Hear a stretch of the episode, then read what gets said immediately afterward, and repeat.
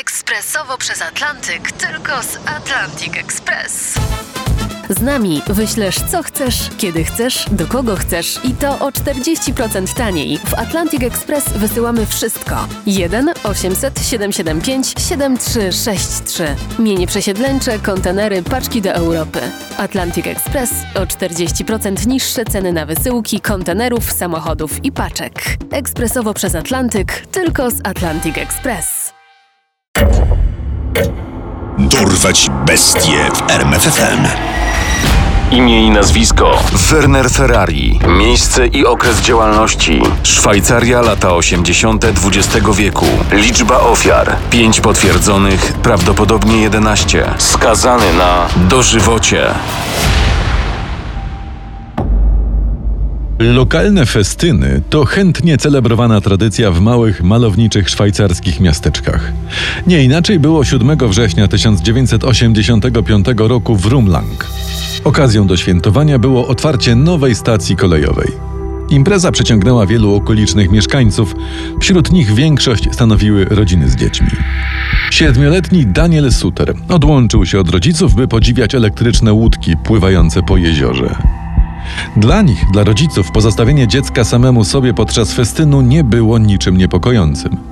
Tym bardziej, że większość uczestników imprezy to znajomi i sąsiedzi. Po pewnym czasie chłopak wrócił do rodziców i poprosił o kolejne żetony, by skorzystać z pozostałych atrakcji. Nie widzieli problemu.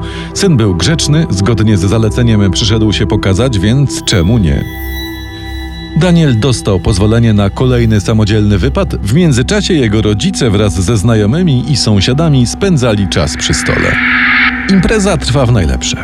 Daniel nie sprawia kłopotów. Od czasu do czasu pojawia się w restauracji, aż do późnych godzin wieczornych. Czas się zbierać, jest ciemno, robi się coraz chłodniej.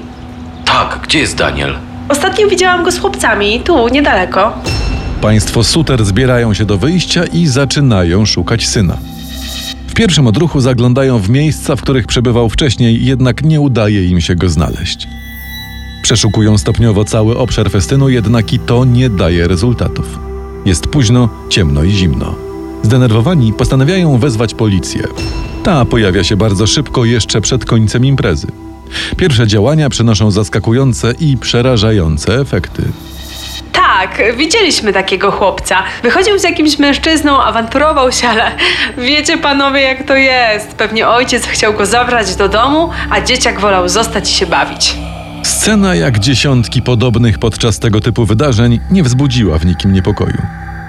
Świadkowie opisali podejrzanego jako niezbyt wysokiego, około 50-letniego ciemnowłosego mężczyznę w skórzanej kurtce. Było wiadomo, że doszło do porwania. Poszukiwania z udziałem funkcjonariuszy i wolontariuszy trwają kolejne doby. Na miejsce zostaje wezwany śmigłowiec. Trzy dni później dochodzi do przełomu. Ciało Daniela Sutera zostaje odnalezione około 30 km od miejsca porwania. Chłopiec najprawdopodobniej został uduszony. Z miejsca zbrodni zniknęły części garderoby ofiary. Śledztwo w sprawie zabójstwa rusza pełną parą, jednak nie przynosi żadnych efektów. Mijają dwa lata. 19 października 1987 roku w Windisch, około 30 km od Rumland, trwa festyn z okazji jubileuszu katolickiej organizacji młodzieżowej. Jej członkiem był dziesięcioletni Christian Widmer. Na imprezę przybył sam, bez rodziców, w końcu był wśród swoich, więc nie było powodów do obaw. Po zakończeniu wydarzenia jeden z opiekunów miał odeskortować Christiana na dworzec kolejowy i dopilnować, by wsiadł do pociągu jadącego do Dottingen. Chłopcy, widział któryś z was Christiana? Po zakończeniu wieczornej części, oficjalnej, opiekunowie zaczynają rozglądać się za chłopcem, ale bez efektów. Nie ma żadnych śladów jego obecności. Zakładają, że chłopiec wsiadł w pociąg i pojechał do domu. Niestety jest inaczej. Dzień później grupa jeźdźców podczas konnej wycieczki znajduje zwłoki dziecka w lesie w pobliżu Rinniken. Na miejsce zostaje wezwana policja. Oględziny wskazują, że chłopiec został uduszony. Zwłoki były w połowie obnażone. Okoliczności sprawy, wiek i fizyczne podobieństwo ofiar powodują, że śledczy szybko łączą to zabójstwo ze sprawą sprzed dwóch lat. Zgłosił się do nas jeden facet. Tej nocy jechał motorowerem drogą do Riniken. Widział mężczyznę prowadzącego nocą wzdłuż drogi małego chłopca. Niestety go nie zdołał opisać. Jego wyglądu. Zero. Było ciemno i nie widział szczegółów. Pomimo wielu podobieństw w obu sprawach panuje zastój. Śledczy nie mają tropów, które pozwolą ruszyć dalej, a opinia publiczna domaga się efektów. Ludzie są przerażeni faktem, że w okolicy grasuje seryjny porywacz i morderca dzieci. Media pompują sprawę, zarzucając policji bezczynność i niekompetencję. Wyciągają na wierzch inne zaginięcia, których, jak się okazuje, w latach 80. było znacznie więcej niż kiedykolwiek dotąd. Wiele z nich pozostaje wciąż niewyjaśnionych, jak sprawa 12-letniej Ruth Steinman z maja 1980 roku, czy 18-letniej Aniki Hutner z lipca 1981 roku. Łącznie tego typu spraw na przestrzeni 7 lat było 13, z czego w sześciu przypadkach odnaleziono zwłoki. We wrześniu 1988 roku temat zostaje poruszony w telewizyjnym programie kryminalnym. Po emisji na policję dzwoni kobieta. Dzień dobry. Mm, oglądałam program dotyczący tych zaginięć morderstw dzieci. To wszystko przypomina mi tragedię mojego dziecka. W 1971 roku mojego Danielka zabiła ta bestia, Werner Ferrari. Złapaliście go i poszedł do więzienia, ale wyszedł gdzieś pod koniec lat 70. To nie pierwszy raz, gdy w kontekście zaginięć i morderstw przewija się nazwisko notowanego i skazanego przestępcy. Każdorazowo jednak policja albo nie przesłuchała go w sprawie, albo nie udało im się go odnaleźć, albo miał wątłe, ale jednak alibi. Podobnie było i tym razem. Śledczym nie udało się zidentyfikować miejsca pobytu Ferrariego i nie kontynuowali wątku. Tymczasem temat drążą media. Dziennikarze szybko wyciągnęli wniosek, że po emisji materiału w telewizji od roku nie doszło do żadnego zniknięcia dziecka w podobnych okolicznościach. Najwyraźniej sprawca się przestraszył i ukrył. Tak było łącznie dwa lata. 26 sierpnia 1989 roku w Hagendorf odbywa się odpust połączony z festynem. Dziewięcioletnia Fabienne Imhoff bawi się z koleżanką, eksplorując atrakcje imprezy. Po jakimś czasie do rodziców wraca tylko jej młodsza koleżanka. Gdy Fabienne nie pojawia się przez dłuższy czas, na jaw wychodzi przerażający fakt. Jej koleżanka wyznaje, że zaczepił je pewien mężczyzna. Ona miała poczekać, a Fabien zabrał ze sobą, żeby coś jej pokazać. Na miejsce natychmiast zostaje wezwana policja i ruszają poszukiwania. Niestety, na terenie festynu nie udaje się odnaleźć porwanej dziewczynki. Dopiero kolejnego dnia, niedaleko domu państwa Imhoff, zostają odnalezione zwłoki dziecka. Wszystko wskazuje na motyw seksualny. Sekcja zwłok ujawnia, że dziewczynka została uduszona.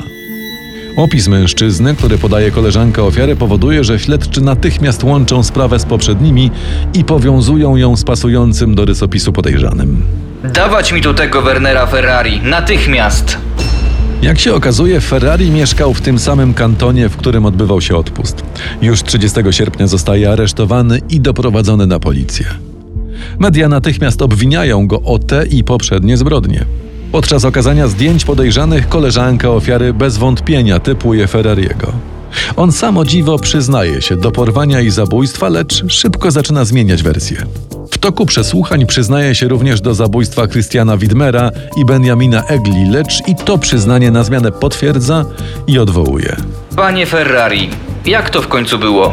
Które z tych dzieci porwał pan i zamordował?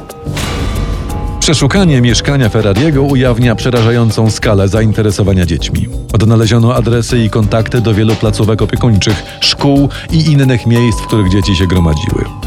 Podejrzany twierdził, że bardzo lubi kontakt z dziećmi i w większości przypadków nic złego się nie działo. Zawsze nosił przy sobie słodycze i drobne zabawki. Z wieloma dziećmi utrzymywał korespondencyjne kontakty. Śledczy ustalili, że Ferrari przez dwa lata próbował szukać zatrudnienia w placówkach opiekuńczych, podając w aplikacjach wykształcenie kierunkowe, którego nie posiadał. Nie udało mu się jednak nigdy zatrudnić jako opiekun, natomiast od listopada 86 do marca 87 pracował w kuchni domu dziecka w Oberagerii. Podejrzany wykazuje cechy schizoidalnych zaburzeń, których efektem jest brak potrzeby bliskich kontaktów z ludźmi i wycofanie emocjonalne. W związku z tymi zaburzeniami podejrzany nie był w całości świadomy czynów, które popełnił. Opinia biegłego psychiatry wykazała, że w kontaktach z dziećmi szukał poczucia bezpieczeństwa. Motywy seksualne i zbrodnicze były drugoplanowe. Ferrari staje przed sądem w grudniu 1994 roku i od razu odwołuje wszystkie swoje zeznania, przez co jego obrońca rezygnuje z funkcji, a to nie pozwala na kontynuowanie procesu. Kolejny odbywa się w czerwcu 1995 roku. Po jedynie trzech dniach procesu Ferrari zostaje skazany na dożywocie za morderstwa pięciorga dzieci, które udało mu się udowodnić. Sprawcy lub sprawców innych spraw nie udało się ustalić, ale od aresztowania Wernera Ferrari fala zaginięć dzieci ustała. Poznaj sekrety największych zbrodniarzy świata. Dorwać bestie w RMFFM.